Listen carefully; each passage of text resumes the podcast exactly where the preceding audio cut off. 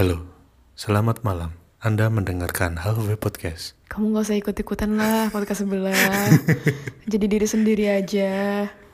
Baiklah. Halo teman-teman. Kembali lagi di Halfway Podcast episode 39 Bersama Aguena. dan gua Ahmad.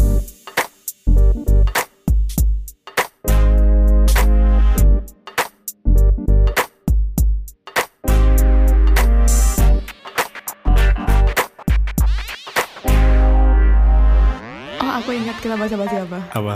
Kan kita kemarin mau bahas tentang ini ya sih. Nilai-nilai. Jawa. Apa tapi gua belum belajar nih. Apa lu lu dapat poin apa? Yang Iya. kemarin kan kita bahas Wang Sinawang tuh. Aku ngirim ke kamu tuh di mana? Di, di, di WA ya. Coba lihat lagi. Itu bentuknya apa? WA WA. Nah ini saya lupa dari mana ya. Salah satu Eh, cuman ini sering kita dengar. Urip iku kudu bisa rumongso, ojo rumongso piso. wah Apa bahasa Indonesia nih? hidup itu harus bisa merasa. bisa merasakan bukan sok bisa. Iya, kan? bukan merasa bisa. Iya. Iya. Itu artinya kurang lebih Itu kalau di bahasa Indonesia kan. kalau di oncei Dioncei. kalau di oncei Dikupas. itu oh, kalau dikupas dalam itu maknanya itu. Kalau di bahasa Indonesianya di kalau di bahasa Indonesiain kayaknya kurang kurang kena deh. Iya ya. Hmm. Urip iku kudu bisa rumongso, ojo rumongso piso. Bisa rumongso itu gimana ya? Eh, bis tahu diri ya sih? Iya, iya, iya kurang lebih tahu diri ya. Bisa. iya kan? Heeh. Bisa. Urip iku kudu bisa rumongso. Menget, iya, iya bener tahu diri itu tadi bahasa gampangnya. Mengetahui Kapasitasnya. kapasitas kita Sampai mana? Sampai mana. Terus Jangan rumongso bisa itu jangan merasa sok bisa kalau nggak tahu. Iya, kayaknya ini juga pernah pernah kita bahas di mana ya? Kayaknya kita pernah bahas ini juga deh. Mana? Nggak ngerti kayak sesuai kapasitas aja. Kalau misalnya emang nggak nggak bisa ya jangan sok-sokan gitu. Aku nggak asing dengan Hmm. dengan kata-kata ini. Iya. Tapi entahlah di mana. Baiklah. Oh ya kemarin sempat ada yang ini apa chat kita ya. Sempat ngirimin ini storynya Jenny Yusuf ke kita. Hah? Jadi itu tuh uh, follow up dari pembahasan prenup yang Oh, kita ada di yang awal itu. up? Iya, kayak ini sih lebih ke yang bilang kalau uh, bahas keuangan itu penting tapi susah gitu. Jadi gini, Penting tapi susah. penting tapi gak mudah. Ah. Jadi eh, si Kak Yus ini ngirimin eh, apa storynya Jenny Yusuf tuh bilangnya kayak gini. Aku lumayan sering ya bahas soal uang dan pasangan di medsos, tapi jujur pada prakteknya aku perlu ngumpulin tekad dan keberanian buat ngobrolin uang sama pasangan. Ngomongin uang itu nggak nyaman sama sekali, tapi penting. Bahkan jika kalian belum yakin mau menghabiskan masa depan sama doi alias masih testing the water. Ngobrolin uang bisa memberi banyak perspektif tentang kepribadian orang yang bersangkutan. Gitu. Jadi Ah. kayak intinya tuh itu tuh penting tapi gak gampang loh. Iya. Emang biasanya gitu kak. Yang penting itu emang nggak gampang. oh gitu ya. Iya iya. iya. Bagus bagus bagus. Sebuah kesimpulan yang menarik. iya. Quotes of the day. Tapi emang bener sih. Maksudnya ngobrolin uang tuh gak mudah sebenarnya pada prakteknya ya. Soal ya apa ya? Di sini tuh anggapannya masih tabu nggak sih ngomongin? Dan emang sensitif sih ngomongin masalah duit, uang iya tuh kan? menurut menurutku juga kayak ya ya gak gampang. Tapi perlu dicoba. Karena kalau menurut lu kenapa nggak gampang? Karena nggak biasa. Apa yang membuat itu tidak gampang? Gini gak sih? Misalnya lu Misalnya lu setelah ngobrolin uang tadi ternyata itu berbeda dari ekspektasi dari pasangan lu, itu akan menyebabkan perbedaan apa ya? Masalah gitu. Oh. Itu yang ditakutkan gitu kali. Enggak, se- sebelum sejauh itu aja sih kalau aku Apa? lebih ke yang keterbukaan ekonomi itu nggak pernah yang secara gamblang aku tahu gitu konsep kayak gitu. Jadi itu konsep baru dan dan emang nggak biasa aja Jadi sebelum sebelum takut konflik dan lain sebagainya, Ya emang udah nggak udah nggak biasa aja. jadi jadi kayak gitu sih. Iya, baiklah. Itu jadi kalau kalian mau tahu tentang pentingnya keterbukaan dalam hal finansial bersama pasangan, dengerin prenup yang episode kita. Episode, berapa ya? prenup. Iya lupa pokoknya. Pernikahan tuh episode eh, eh season Awal-awal kan? season season 2. Hmm, bukan tiga. Season tiga. Oh iya, tiga. Tiga, tiga awal-awal. Kayak bisa dicek. Kayaknya dua deh, tiga dua deh. Ya. Tiga puluh dua. Oke. Terus balik lagi ke tadi. Oh iya, itu tadi Apa, ya? hubungannya kok tiba-tiba lu kayak Oh, gitu? nggak ada. Pokoknya itu inget aja. Oke. ya udah. apa sih tadi kita ngomongin apa? Kita ngomongin tentang Ojo Romong Sobiso. Aja rumong so bisa. Gitu. Udah cukup? Ya udah gitu aja. Oh deh. oh ya episode kemarin kita bahas apa ya? Kemarin kita bahas tentang laki-laki.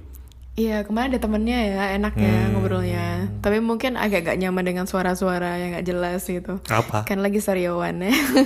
sekarang sekarang udah bisa ngomong. Ya meski Udah Gila ini diseret-seret. lama banget gak sih? Gak sembuh-sembuh. Stres Padahal, kayaknya. padahal udah libur seminggu ya. Iya, cuman sekarang udah bisa makan sih. Makan yang biasa. Gitu. Udah bisa makan hati. Udah sering ya. Nggak perlu dikunyah kalau itu. Oke. Oke. Kita mau nah, bahas apa kali ini?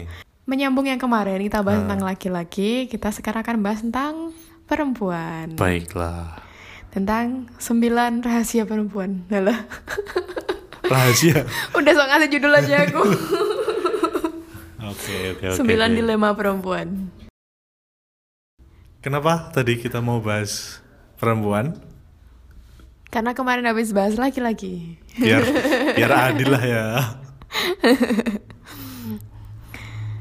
Iya, tapi sayangnya nggak ada bintang tamu perempuan nih. Oh, Oh, ada. ada. Ada. Ya ampun tidak disangka-sangka. Heeh. Spesial banget nih guestnya kita. Gak nyangka lo bisa bisa datang ke sini. Selamat datang buat Kak Najila Shihab. via bukunya. karena untuk saat ini belum memungkinkan untuk datang karena masih covid ya. Enggak, kita masih belum bisa menjangkau. Masih menjauh. Jujur aja lah. ya siapa tahu nanti episode berikutnya bisa bergabung dengan kita di sini. ya, jadi episode kali ini kita terbantu dengan apa bukunya Kak Najila Shihab. Hmm. Jadi yang berjudul Cinta untuk Perempuan yang Tidak Sempurna. Iya. Jadi ini bagus banget bukunya tau nggak? Oh, tadi gue udah baca sekilas. Ya, bagus, Bagus, ya. bagus banget. Dan bagi pecinta apa bahasa-bahasa gitu bahasanya sangat indah di sini. Hmm. Oke, jadi kita mau bahas tentang fenomena-fenomena tentang perempuan yang berkembang di sekitar kita, ditambah Ya. dengan buku ini dan pengetahuan kita yang ala kadarnya. Hmm. Dan pengalaman dari Kak Indah sendiri sebagai perempuan Yang mungkin sudah ada yang bisa digeneralisasi, ada yang enggak juga, dan mungkin ada yang banyak ada yang perlu untuk tidak dipercayai juga ada gitu. kok, kok gitu. jadi itu terserah kalian semuanya. Untuk tidak setuju ya kan apa ya. Iya, intinya ini bukan kebenaran, Heeh. tapi hanya pandangan. Ya. Oke. Yang jadi di sini kita kan 9 nih angkanya. 39 berarti 9 hal tentang perempuan. Baiklah. Nah, tadi kan aku udah ini, udah apa? Di awal udah iseng kan. 9 dilema, 9 rahasia, 9 apa? Aku nggak tahu kasih ide judul lah. ntar ntar idenya keluar kalau udah habis editing. Oke, jadi di sini kita akan ada 9 kata mengenai perempuan. Ya, udah muncul judul baru. bukan ini bukan judul, Oh, tapi aku ngasih ngasih 9 kata gitu Oh, iya. Yang itu tuh nanti jadi guideline pembahasan kita pada episode ini. Siap. Gitu. Coba sebutin 9 apa aja Kak Ahmad. Yang pertama. Yang pertama empati, Dua, kolaborasi. lalu yang ketiga status perkawinan, Yang keempat, citra diri. yang kelima soal kepintaran, Yang keenam, soal bekerja. yang ketujuh peran, Yang kedelapan, tentang penampilan. dan yang terakhir make up. Oke. Nah, itu tadi uh, beberapa hal yang akan kita bahas pada episode kali ini. Oke. Bahas-bahas soal perempuan. Ini kak, gue mau tanya nih, pengalaman lu yang udah jadi perempuan selama 25 tahun atau udah, atau udah ya. 26? 26 apa 25 sih? 25 plus plus. Oh iya. Tuh, eh pernah ngerasa nggak sih eh iri dengan temen lu yang sesama perempuan? Pernah dong. Sama laki-laki juga pernah. Sama ini, Nggak, aku tahu maksud kamu. kadang kayak kelihatan nggak seneng banget kayak sama orang itu. itu Apa? Gimana gimana? apa sih kalau masalah iri, iri, iri itu kan manusiawi ya. Oh, Dengan berbagai hal, aku bisa aja iri gitu. iri itu berarti lu merasa nggak lebih baik dari dia tuh gimana sih? Aku nggak tahu definisi iri itu kayak gimana. Cuman aku tahu sih arah kamu tuh ke mana. gitu. Ke mana?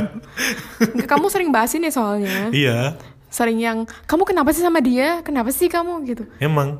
Kayak, Ya, kamu, kamu kayak- tahu nggak? Sebenarnya aku aku curhat dulu nih ya. Heeh.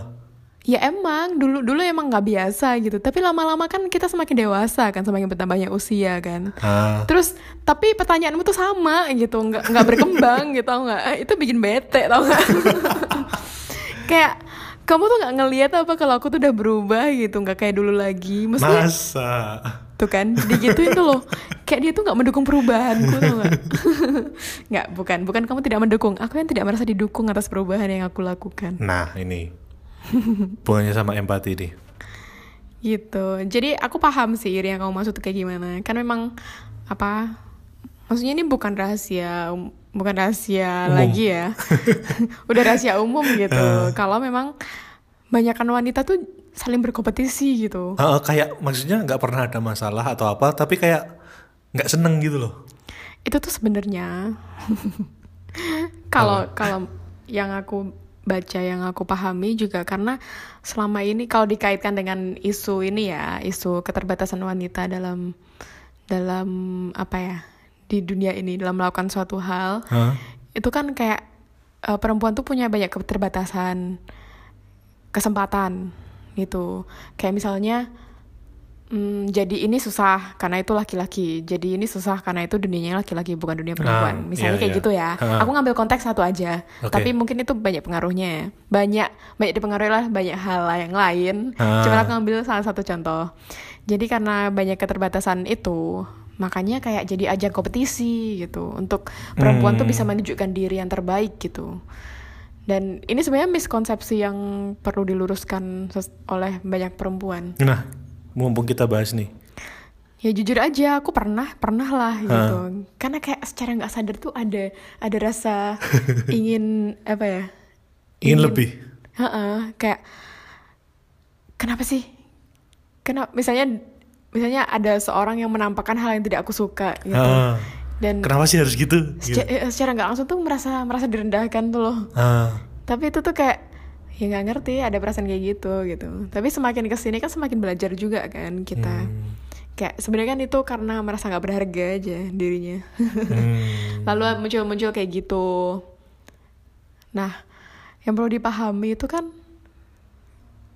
kenapa sih kita harus kompetisi gitu kenapa Iya. nggak saling mendukung aja gitu Nah, itu kak. Kenapa nggak saling mendukung? Padahal sa- sama-sama perempuan. Kalau saling support kan lebih enak. Kalau emang lu seperti itu tadi karena merasa lemah atau merasa nggak lebih baik dari dia, kenapa nggak saling support aja? ya kan itu yang perlu dibahas di sini kalau Iya. kamu tanya nggak ngerti Nah, ini kita lagi bahas.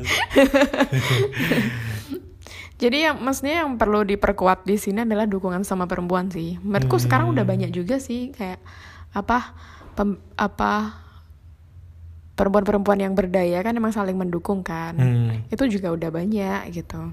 Jadi bagi perempuan-perempuan lain yang yang perlu untuk memahami ini lebih ini perlu banget didengerin menurutku Hmm. karena sebenarnya kayak eh kesuksesan itu tuh nggak perlu dire- nggak perlu diperebutkan loh gitu kita bisa sama-sama sukses bareng gitu Iya, semua orang bisa mencapai sukses kan. Ngapain rebutan? iya itu simpelnya kayak gitu tapi emang dunia ini tidak ada yang sederhana Tidak ya semudah itu ya. Seperti quotes kita tadi, apa yang penting itu emang nggak mudah. iya I- itu bukan sih tadi yang gue bilang. iya sesuatu yang penting itu emang nggak mudah intinya perlu diperjuangkan bareng-bareng Nah, gitu sadar bareng lah ya. Iya, kayak sebenarnya kan hal-hal kayak di sekitar kita misalnya ada Hmm. perempuan dengan pakaian yang berbeda dengan idealnya kita. Misalnya aku pakaian tuh harusnya kayak gini, tapi dia pakainya kayak gitu. Itu kan kayak, ya apaan sih gitu. Hmm. Kadang-kadang kan kayak gitu. Terus hal-hal yang lebih esensial lagi, kayak misalnya ada ada ibu yang lancar asinya, tapi ada ibu yang tidak bisa nyusuin anaknya. Ah, nah, iya itu yang sering tuh. eh kenapa sih asinya belum keluar gitu-gitu kayak ya lo pikir gitu Ya, nggak support kayak atau gimana kayak malah. terus kayak misalnya ya kayak lahiran normal sama sesar Ah, terus ada yang perempuan yang kerja di kantor apa berapa jam dalam satu hari. Terus kayak ih kamu kerja terus anakmu gimana? Gitu. Kayak salah terus ya. iya kayak semuanya aja salah gitu. Dan yang bikin bikin apa ya bikin miris kan ketika itu dikatakan oleh sama perempuan. Heeh. Jadi kenapa sih nggak empati aja gitu Iya. karena nggak ada yang mau di kondisi yang tidak ideal gitu Mm-mm. dan menurutku itu akan apa beban perempuan akan jauh lebih lebih enteng ketika didukung gitu Hmm, bukan dihakimi Betul. gitu oke itu udah bahas empati sama kolaborasi tadi kita Oh malah udah sekalian kebahas ya yang poin kedua tadi yang kolaborasi ya. Iya benar, itu udah dua poin. Kan kita cepet ini. Oke, selanjutnya kita bahas apa nih? Nah, tadi kan udah kebahas nih apa namanya eh, empati sama kolaborasi. Ya, Eh, next yang mau kita bahas adalah tentang status perkawinan yang biasanya menjadi yang sering menjadi isu perempuan. iya benar. Eh, gimana tuh? Ini kak, misalnya kayak status misalnya janda terus kayak umur 30 tahun belum menikah. Itu tuh kayak big problem gitu loh. Iya, terus pilihan untuk menikah atau tidak menikah itu juga bisa tuh. Ah, oh iya, oh. Kan ada juga ada juga ada kan juga cewek orang yang, yang, oh, perempuan yang memilih untuk tidak menikah. Ya ya. meskipun laki-laki juga ada ya, cuman isu ini kayaknya lebih deket di perempuan ya sih, Heeh. lebih ya banyak. karena bab ini bab perempuan, kita bahas perempuan aja. Iya. Enggak, tapi maksudnya itu isu yang universal sebenarnya. Gimana gimana? Sebenarnya kita nggak pengen mengkotak-kotakan laki-laki perempuan kan? ya enggak, sebenarnya. enggak, enggak biar rapi aja episodenya. Iya. Iya benar kayak kayak misalnya yang paling gampang kan contohnya yang udah udah usia segini tapi belum nikah juga. gitu. Eh, Itu kan sebenarnya jadi jadi apa? Isunya kan nggak cuman di sosial, di keluarga sendiri pun juga masalah loh. Ya biasanya malah mulai dari keluarga kan. Iya. Kalau kumpul-kumpul lebaran Iya, keluarga inti aja lah dulu, jangan keluarga Dari- besar-besar. dari orang tua. Kadang-kadang ada beberapa keluarga yang punya pandangan kayak gitu kan. Ah, iya. Menikah tuh harusnya usia 25. 25 kamu udah usia segini nanti anaknya usia berapa kamu punya anak nanti usia berapa gitu Bapak ki selak pengen gendong putu gitu kan. iya contoh-contoh kayak gitu itu Nah. sekitar kita banyak Ya. di rumah sendiri mungkin ya Eh, rumah eh, iya ya. maksudnya emang karena kan apa sosial nilai sosialnya kan terbentuk bahwa wanita tuh menikah di usia segini. Hmm, kalau ketuaan nggak baik gitu ya. ya nanti nggak bisa punya anak atau apa itu. Banyak lah sebenarnya. Hmm. cuman kan balik lagi kayak pilihan masing-masing kan sebenarnya. Kayak yaudah jangan dilihat dari status perkawinannya. Kayak misal ini ada wanita yang sukses di pekerjaan dan dia usia 35 tapi belum nikah. Hmm. yang dilihat bukan suksesnya Tapi belum nikahnya. tapi belum nikahnya biasanya Ada apa sih ini? Iya kan Oh iya iya. Heeh. kenapa nggak dilihat dari kesuksesannya dia di kerjaannya dia gitu kenapa harus ngelihat missing pointnya yang belum nikah barangkali dia emang nggak pengen nikah kan bisa aja Eh, ya terserah dia kan. Iya intinya kalau pilihan itu nggak sesuai dengan idealnya kita ya sudah kita nggak berhak untuk menghapi- menghakimi lagi sih Betul. Iya, lebih lebih banyak dengerin aja sih ke apa namanya ke sesama perempuan gitu terutama karena kan kita nggak tahu apa yang sedang dilalui Iya. itu barangkali dia ada trauma yang besar terhadap pasangan itu kan juga bisa. Hmm. Nah ketika didengerin kan malah bisa ngebantu juga kan ngasih pandangan. Yang penting mah nggak judgement aja. Iya. Nah, ini Kak, eh, topik yang menarik nih, soal citra diri. Ini yang juga biasanya banyak perempuan merasa nggak pede sama penampilan fisiknya dia. Iya kan? Iya. Lo aja yang kayak gitu ngomong, Apa? Perutku gue buncit. pengen diet, gue pengen diet. Ya sih. Iya. Nggak tahu ya. Kurang kurang apa gitu loh. Kan diet diet artinya diet itu kan bukan menguruskan bukan. Enggak, tapi kalau lo kan kemarin pengennya menguruskan, emang lu ngerasa udah perut. udah udah over gitu kan? Ya perutku tiba-tiba gede aja kebanyakan Hmm. duduk. Itu gimana tuh? Nggak tahu. yang yang parahnya tuh kadang sampai perempuan tuh nggak mau makan loh kak Dari- karena dia nggak mau terlihat berbadan besar gitu kadang ada yang sampai yang parah kan sampai kalau makan dia muntah gitu kan ada kan kayak kayak gitu Dimuntahin. Iya itu kan udah masuk gangguan psikologis kan sebenarnya kan. Ya karena orang nggak bisa menerima kondisi tubuhnya Heeh. dan dia pengen eh pengen punya tubuh yang misalnya kayak model gitu-gitu. yang ideal di di mata di, dia eh, gitu di ya mata dia gitu. Jadi ya sampai kayak gitu. Jadi intinya kayak menjaga tubuh itu bagus gitu. Yang penting mah jangan berlebihan nah yang itu yang kayak penting gitu. jangan berlebihannya itu ya Iya. Menurutku menjaga merawat tubuh itu wajib sih gitu. Hmm. Tapi yang sehat caranya.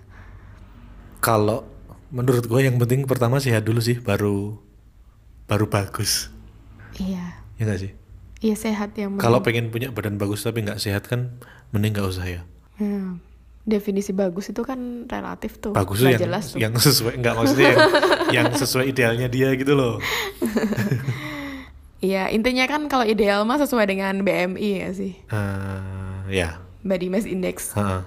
Jadi bukan kayak model-model. Tapi sekarang ini kan apa model-model kan juga udah banyak jenisnya.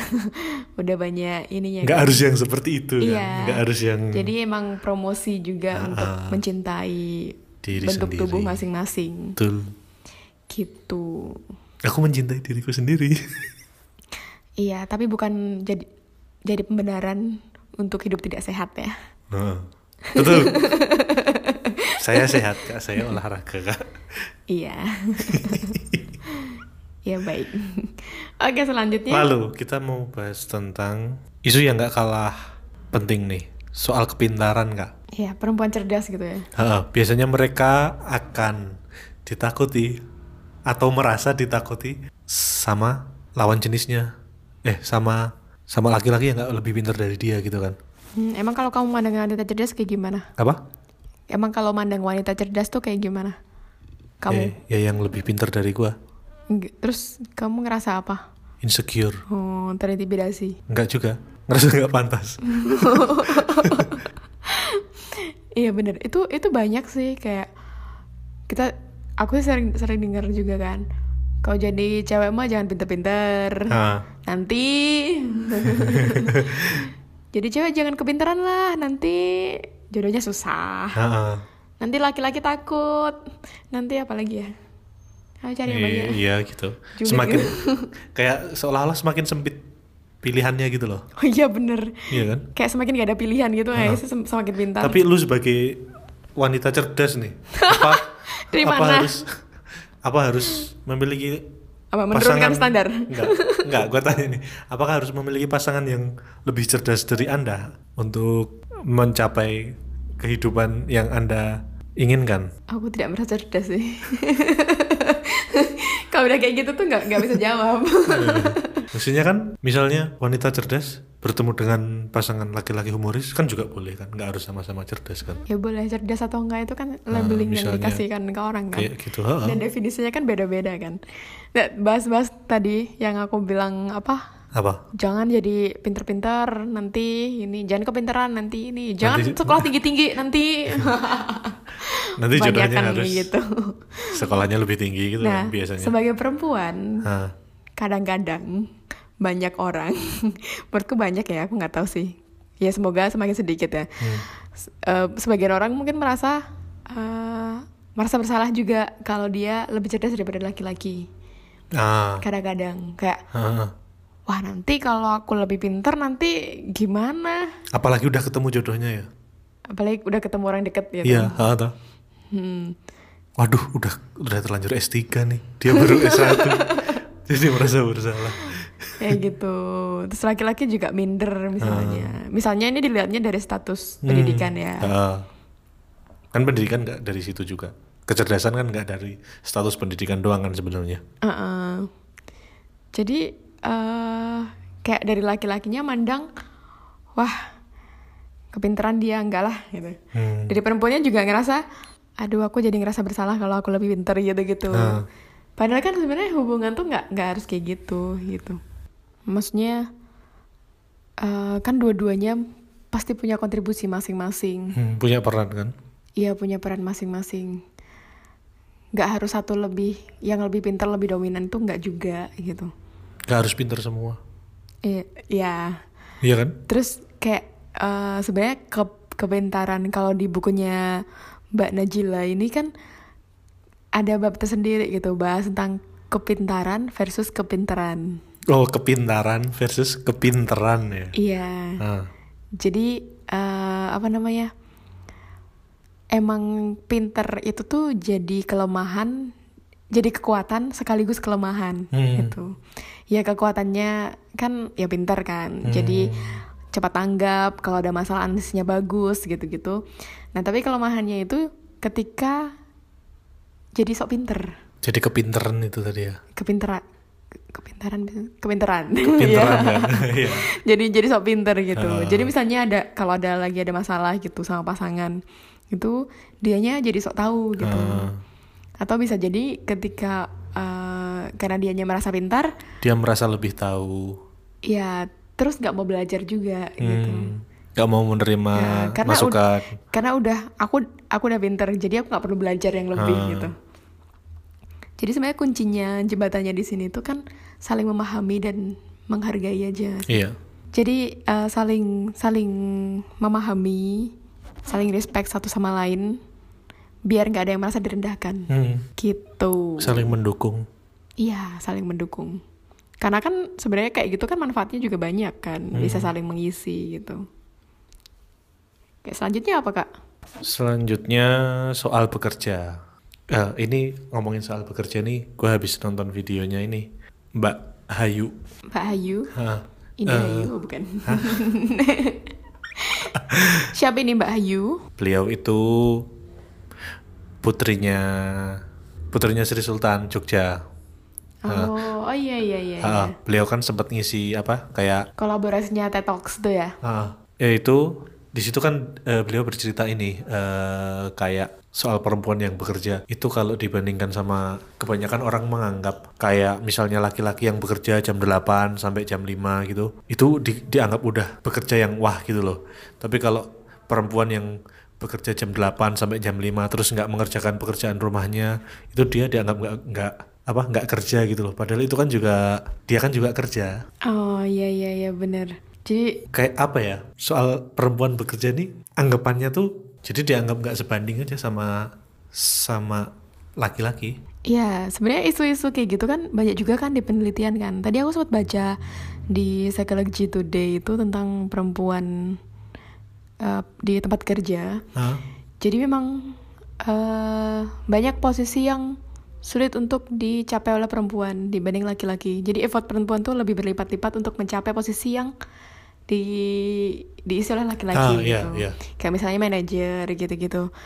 Terus juga tentang masalah gaji. Jadi kalau gaji itu memang kalau hasil penelitiannya tadi ya, Hmm. itu kayak gaji laki-laki tuh memang lebih besar pendapatannya daripada perempuan Hmm. gitu kayak ya kan kalau di di apa di sekitar kita kan memang terkenalnya perempuan ya di rumah gitu gak sih? Iya. Jadi kadang udah kerja di luar masih ngerjain pekerjaan rumah gitu. Iya.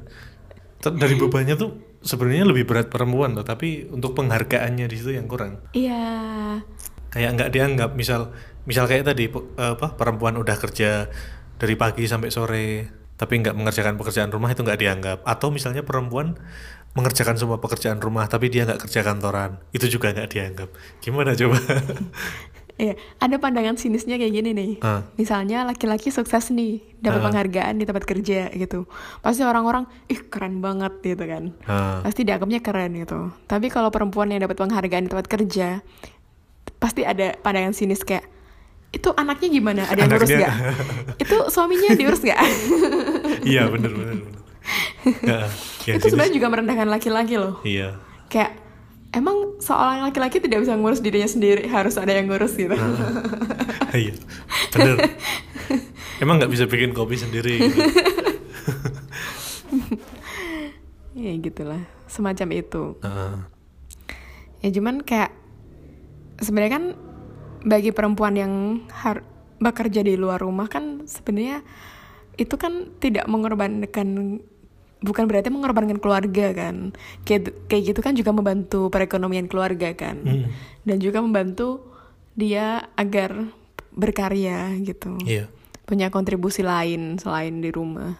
Dan itu nggak apa-apa gitu. Se- sebenarnya dikembaliin sama kebutuhan masing-masing sih Mm-mm. Dan bagi perempuan-perempuan yang di rumah pun juga nggak apa-apa Ha-ha. gitu. Kan dia juga kerja di rumah Heeh. gitu. Tapi kalau emang misalnya lu nggak nggak nggak nyaman di rumah di rumah doang gitu misalnya, kalau emang lu pengen aktif bekerja juga nggak masalah. Yang penting nggak nggak menjadi beban buat lu gitu loh. Iya. Dan sudah ada kesepakatan kan Heeh. antara ya anggota keluarga itu sendiri gitu. pembagian peran kan. Iya. Dan mungkin ini juga apa namanya pandangan kerja kan nggak harus yang kerja kantoran Iya. berangkat jam 8 pulang jam 5 itu kan nggak harus kayak Betul. gitu kan. Hmm. Kayak misalnya jadi relawan Hmm. atau misalnya eh, jadi apa pengurus di komite sekolah itu kan juga sebagai bagian dari kita berkarya Iya. sebagai manusia kan jadi kamu tuh melakukan aksi yang itu tuh ada kontribusinya dan bermanfaat bagi diri sendiri kayak kita tuh jadi merasa layak gitu loh Ha-ha. merasa berguna. Jadi sebenarnya kerja itu tuh nggak yang nah ini sebenarnya pandangan pandangan ini kan. Iya. kayak aku itu jadi bebanku tersendiri sih jujur aja ya. Kayak kemarin kemarin tuh aku kayak merasa aduh kerja tuh harus yang gini gini gini ya gitu. Karena kan di ya di lingkunganku sih lingkunganku kan pasti kalau kerja ya kamu kantoran pulang eh berangkat jam segini pulang jam segini gitu. Padahal kan kerja bisa banyak banyak bentuk kan Iya. kayak misalnya kamu buka toko atau kamu bikin apa itu kan juga bagian dari pekerjaan Iya. gitu tapi kadang ngerasanya apalah aku cuman kerja kayak gini nggak yang berangkat pagi pulang sore Hmm. Dia ditambah aja kesadarannya. Iya intinya apa pun tuh bisa dilakukan dan nggak harus yang seperti itu Iya. Nggak harus saklek. Mm-mm. Apalagi sekarang ini kan zamannya serba digital kayak gini kan Nah. ini Bahkan kita sekarang podcastan pun sedang bekerja loh. Iya sebenarnya itu kadang aku merasa tidak berguna itu kayak ngapain sih nda kamu mau nunggu wisuda tapi nggak ngapa-ngapain ya paham gak sih iya, iya. terus kadang kalau orang bilang "Ber- kamu kan gini-gini ah, apalah itu doang gitu ya itu mulai dari diri sendiri ya emang iya. aku ngomong kayak gini kan sebenarnya menguatkan diri sendiri aja Kuat, Kak. menyadarkan diri sendiri bahwa apa yang kamu lakukan itu ada gitu Semangat kakak. Sadarlah. Oke, lanjut Itu lanjut. bekerja versus tidak bekerja Itu yang soal bekerja ya. Kemudian soal ini eh, peran peran wanita yang sangat banyak nih. Iya sebenarnya tadi udah kamu singgung banyak kan yang Ha, sebelumnya ini iya. kan kayak bekerja rumah tangga terus apa terus apa gitu Sebagai pendidik juga, pendidik anaknya. Iya sebagai anak masih anaknya orang tua Ha, ha. sebagai istri sebagai apa gitu Perannya banyak sekali nih. Iya dan kalau sebenarnya kan aku selalu setuju sih dengan kayak Mbak Najila yang bilang kan kalau eh, Najwa juga sering bilang sih kayak perempuan tuh pada dasarnya emang multi peran gitu nggak cuman punya satu peran aja misalnya Ah. jadi ibu rumah tangga nggak itu doang gitu tapi kita tuh kadang kan ada pertanyaan kamu bekerja atau ibu rumah tangga Hmm. ya kenapa sih kita harus milih gitu kalau kita bisa dua-duanya gitu Iya, iya. Ya, itu sih yang perlu dipahami juga bagi Hmm. perempuan. Kalau sebenarnya ketika kamu jadi pekerja pun tidak menghilangkan peranmu sebagai ibu, Betul. Tidak Tuh, itu yang iya itu Iya yang kan? perlu dicatat tuh. Ha. tidak menghilangkan peranmu juga sebagai istri kan. Mm-mm. Jadi peran itu nempel semua gitu. Hmm. Jadi itu tuh bukan pilihan juga. Itu udah dari sononya kayak gitu. Iya, ud- udah kayak gitu emang gitu. kayak ya kita lahir dengan kayak gitu. Jadi ya diterima saja. Jadi nggak perlu ada pembenaran juga kayak misalnya eh ya kan aku kerja jadi nggak bisa optimal ngurus anak gini-gini. Ya nggak boleh kayak gitu. Ya kalau kerja jadi alasan ya udah kamu milih aja mau gimana gitu. Ha. Jangan dijadikan pembelaan ya. Iya, intinya ini perlu kerjasama yang bagus dengan pasangan sih. Kalau bagi yang udah berpasangan ya. Mm. Ya kan peran-peran kayak gini kan bakal banyak ketika udah nikah kan. Jadi emang kalau kayak gitu tuh perlu perlu adanya kolaborasi sih Hmm. dengan suami ya kayak kesepakatan kesepakatan kesepakatan kayak sekarang kan udah banyak kan parenting tuh emang kedua kedua orang tua itu nggak cuma ibu Bukan aja ibu aja, betul.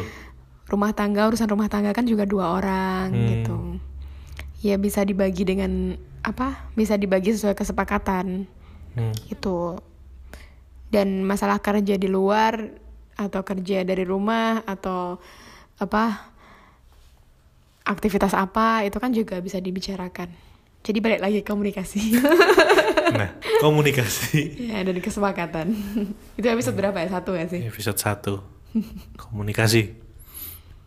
oke selanjutnya Selanjutnya oh, selanjutnya ini agak sama sih Kak. Penam- soal penampilan sama make up nih. oke tadi penampilan sebenarnya udah banyak dibahas di Iya. citra diri ya Hmm. cuman di sini Ya, mungkin ya, kita hampir sama. Yang di sini lebih spesifik kali. Iya iya. Ngomong soal penampilan sama make up nih kak, eh gue sering bilang nih sama sama sama cewek yang ketawa duluan dia. Apa yang lo deketin biasa deh. apa yang lagi kamu gebet? Eh, iya iya enggak enggak maksudnya. Biasanya kan bilang ini soal make up, gue tuh lebih seneng lu yang natural yang nggak pakai make up kayak gitu. Terus pasti orangnya jawab, ya emang gue dandan buat lo gitu. Enggak ya untungnya ya? Enggak enggak. Oh, agak, kamu agak berani kalau belum, belum nemu kamu yang kayak gitu. itu gimana sih kalau cewek di ada yang bilang kayak gitu? Ada cowok yang bilang dirasain? kayak gitu? Hah? Ada Enggak. yang cowok yang bilang kayak gitu. Hah? Apa? Tadi kamu bilang apa? Enggak, kalau lu sebagai cewek ada Oh, kalau misalnya cowok lu bilang kayak gitu, gue tuh lebih suka lu yang natural yang nggak pakai make up gitu. Reaksi lu gimana sih? ya emang gue dandan buat lo. Sebenarnya gimana tuh? Tapi aku belum nemuin deh. jadi kayak, jadi nggak bisa relate juga. Eh, Kalau sebenarnya kan apa namanya kadang kan sering kayak gitu kan Hmm. apa cewek tuh lebih bagus kalau nggak make upan tapi ini ya kalau banyak kan yang berkembang itu tapi kalau lihat cewek yang make upan itu ngerasa ih cantik banget dia ya emang kampret Tapi tahu nggak lah, tahu nggak kak lu sebenarnya cowok ngomong kayak gitu tuh kenapa? kenapa Biasanya kan kalau di awal-awal kenalan ngomong kayak gitu kan. Heeh. Itu tuh buat pengen tahu lu tuh kalau tanpa make up kayak gimana. oh Kalau? Hah? oh iya iya iya Ya biar misalnya besok jadi pasangan nih, hmm. lihat lihat lu bangun tidur gitu kan. Itu kan nggak mungkin lu udah pakai make up, paham gak sih? Maksudnya ketemu sehari-hari sehari-harinya kan nggak nggak gitu. oh buat pertimbangan Hah? maksudnya Oh, oh, kayak gitu kali. Nah, ya, ya terserah sih selera masing-masing dan cara masing-masing. Kalau menurutku apa namanya? Ketika ketika apa pendekatan gitu kan. Hmm. Ya mungkin make upan di awal, tapi lama-lama kalau udah deket tuh malas make upan juga gak sih? Iya bener. Cowok kan juga kayak gitu, awal-awal wangi gitu, abis itu enggak juga gitu. Betul sih. ya sih, tapi nggak semuanya sih. Hmm. ya cuman bisa, bisa aja kayak gitu. Cuman lebih ke sekarang mandang makeup tuh jangan terlalu jadi bahan yang terlalu serius gitu sih menurutku. Hmm. Tapi kalau Sebenarnya kan makeup kan tergantung masing-masing orang kan. Iya. Ada ada yang suka makeupan yang tebel, ada yang suka makeup kayak natural aja. Hmm. Ada yang sukanya pakai skincare doang, nggak pakai makeup. Ada yang polosan juga itu kan juga masing-masing kan punya ini masing-masing tuh punya cara masing-masing kan dan balik lagi selera masing-masing juga cowoknya tertariknya ke yang mana kalau emang nggak suka cewek make upan ya udah kamu nggak usah nyari yang make upan lah gitu Ngapain maksa-maksa? Iya, ngapain kamu harus ngubah ya? dia untuk tidak make upan demi Ah. kamu pengen lihat dia natural Iya, iya. gitu. Ah, ah. Ya cari aja dari awal natural. Betul sih. Tapi mungkin gini nggak sih kak? Kalau misalnya lu tuh make upan buat diri lu sendiri, nggak buat untuk dipamerin ke orang lain? Ya Iya. karena emang lu nyaman aja, atau emang lu pengen ya buat diri lu sendiri gitu? Iya, kalau bagi aku sih sebenarnya makeup itu kayak lebih ke buat persiapan aja sih. Kayak misalnya aku mau eh aku mau isi acara. Ah, Makeup itu penting bagiku karena dengan makeup aku lebih pede aja gitu. dan lebih sopan nggak sih? Iya, iya orang mandangnya kayak gitu Eh, iya, kan. Kan kalau aku suka banget sih sama kalimat yang dibikin Kak Najila di bukunya itu. Hmm. Bilangnya ya ketika aku pakai lipstick yang ini tapi kurang lebih ya, aku juga Hmm. agak lupa. Ketika aku pakai lipstick warna merah atau warna nude, itu tuh eh, itu tuh nggak nggak perlu dimaknai secara terlalu dalam gitu. Hmm. Kayak sebenarnya itu tuh sebagai tanda bahwa di pagi hari sebelum aku bekerja itu tuh aku sempat memiliki waktu dengan diriku sendiri gitu. Nah, iya kan. Jadi Lebih iya. Jadi kayak makeup itu kan tanda bahwa aku punya waktu me time gitu Hmm. sebelum aku beraktivitas. Itu artinya ya aku aku sama diriku sendiri itu sayang gitu. iya. Heeh. kayak kamu nggak usah nggak usah terlalu jauh memaknai makeup itu untuk narik laki-laki kagak gitu. nggak nggak usah terlalu bahas semiotika merah itu artinya berarti lu lagi kayak gimana kalau pakai pink lagi gimana Iya, tapi lebih lebih kemandang bahwa ya itu tuh tanda bahwa aku tuh siap memulai hari Ah, iya Ah, ah. gitu. Atau aku siap melakukan suatu aktivitas tertentu. Itu aja sih. Mm-mm. Sebenarnya kan se semudah itu sesederhana itu ya maknanya ya. Uh-huh. Ya kadang kan sampai ke mana-mana kan orang memaknainya sampai yang eh kamu tuh pakai kayak gitu biar narik kan, biar ini kan, biar Hmm. biar apa? Ya mungkin ada, tapi ya nggak usah diartiin yang se- Iya. sedalam itulah gitu. Kayak sesimpel itu tuh me time-nya kita Hmm. kaum perempuan gitu. Ya bagi kaum perempuan yang nggak suka makeup juga nggak masalah gitu. Hmm. mungkin me time-nya dia dengan hal yang lain kan Iya kan beda-beda kita. dengan sarapan yang kenyang Ya, menikmati apa ya? secangkir kopi Ya gitulah. ya Kita berkomunikasi dengan diri sendiri kan dengan cara masing-masing kan. Hmm. Mungkin dengan make up kita bisa melihat diri sendiri di kaca. Hmm. Terus ya itu cara kita memandang diri kita. Oh, aku hari ini udah siap. Gitu. Dah. baiklah Oke, selesai guys. wow, obrolan kita padat, merayap. ini ini apa berkualitas sekali Iya, ber- berkat bukunya kan Najila oh, Shihab ya. kira karena nara- narasumbernya lu sendiri Oh enggak. ini berkat bukunya kan Najila Shihab. Tapi ini menurutku sangat apa? Ini kemarin yang aku bahas sama Rido tuh loh. Ah. Pas kita habis podcastan. ya Itu kan aku sempat bahas itu kan. Hmm. Nah, ini buku yang aku bahas Hmm. berdua itu. Ya, emang, bagus banget emang sih. berarti bagus banget ya isinya ya. Memahami perempuan. Tapi itu cuma sebagian kecil yang kita bahas ya. Jadi kalau kalian penasaran ya beli aja ya. Nah, silakan baca sendiri. Iya. Ah, Oke kak, untuk yang terakhir nih eh, pesan kak Indah buat perempuan-perempuan di sana. Apa? Pesan untuk sesama perempuan. Ah, Ya semoga kita semakin menyadari keberadaan kita. semakin mencintai diri sendiri, menerima diri sih, semakin menerima diri sendiri dan juga menyadari pentingnya dukungan dan mulai mendukung sama perempuan dari sekarang. baiklah. Terima kasih kak Indah. Eh, kamu juga lah. kamu kasih lah apa? Apa? Kasih kesimpulan lah. Oke, kesimpulannya ya. eh, kemarin kan kita udah bahas soal laki-laki nih. Ah, Terus sekarang kita bahas soal perempuan. Pada akhirnya ternyata masing-masing punya isu tersendiri ya tapi ada juga persamaannya dari masalahnya itu ya pada intinya kembali lagi sih eh, kita jadi manusia ya jadi manusia aja tanpa mengkotak-kotakan laki-laki atau perempuan gitu Iya, oke. Baik cukup sekian episode kali ini kita akan pamit dengan baik-baik Iya, kapan lagi kita pamit baik-baik kan? Dan nggak pakai bercanda-bercanda ya Semoga bermanfaat. selamat memaknai Kalau ada salah, ya tolong dibenarkan. kalau ada lebihnya nggak usah dikembaliin Oke. Ahmad Oke. pamit Indah pamit.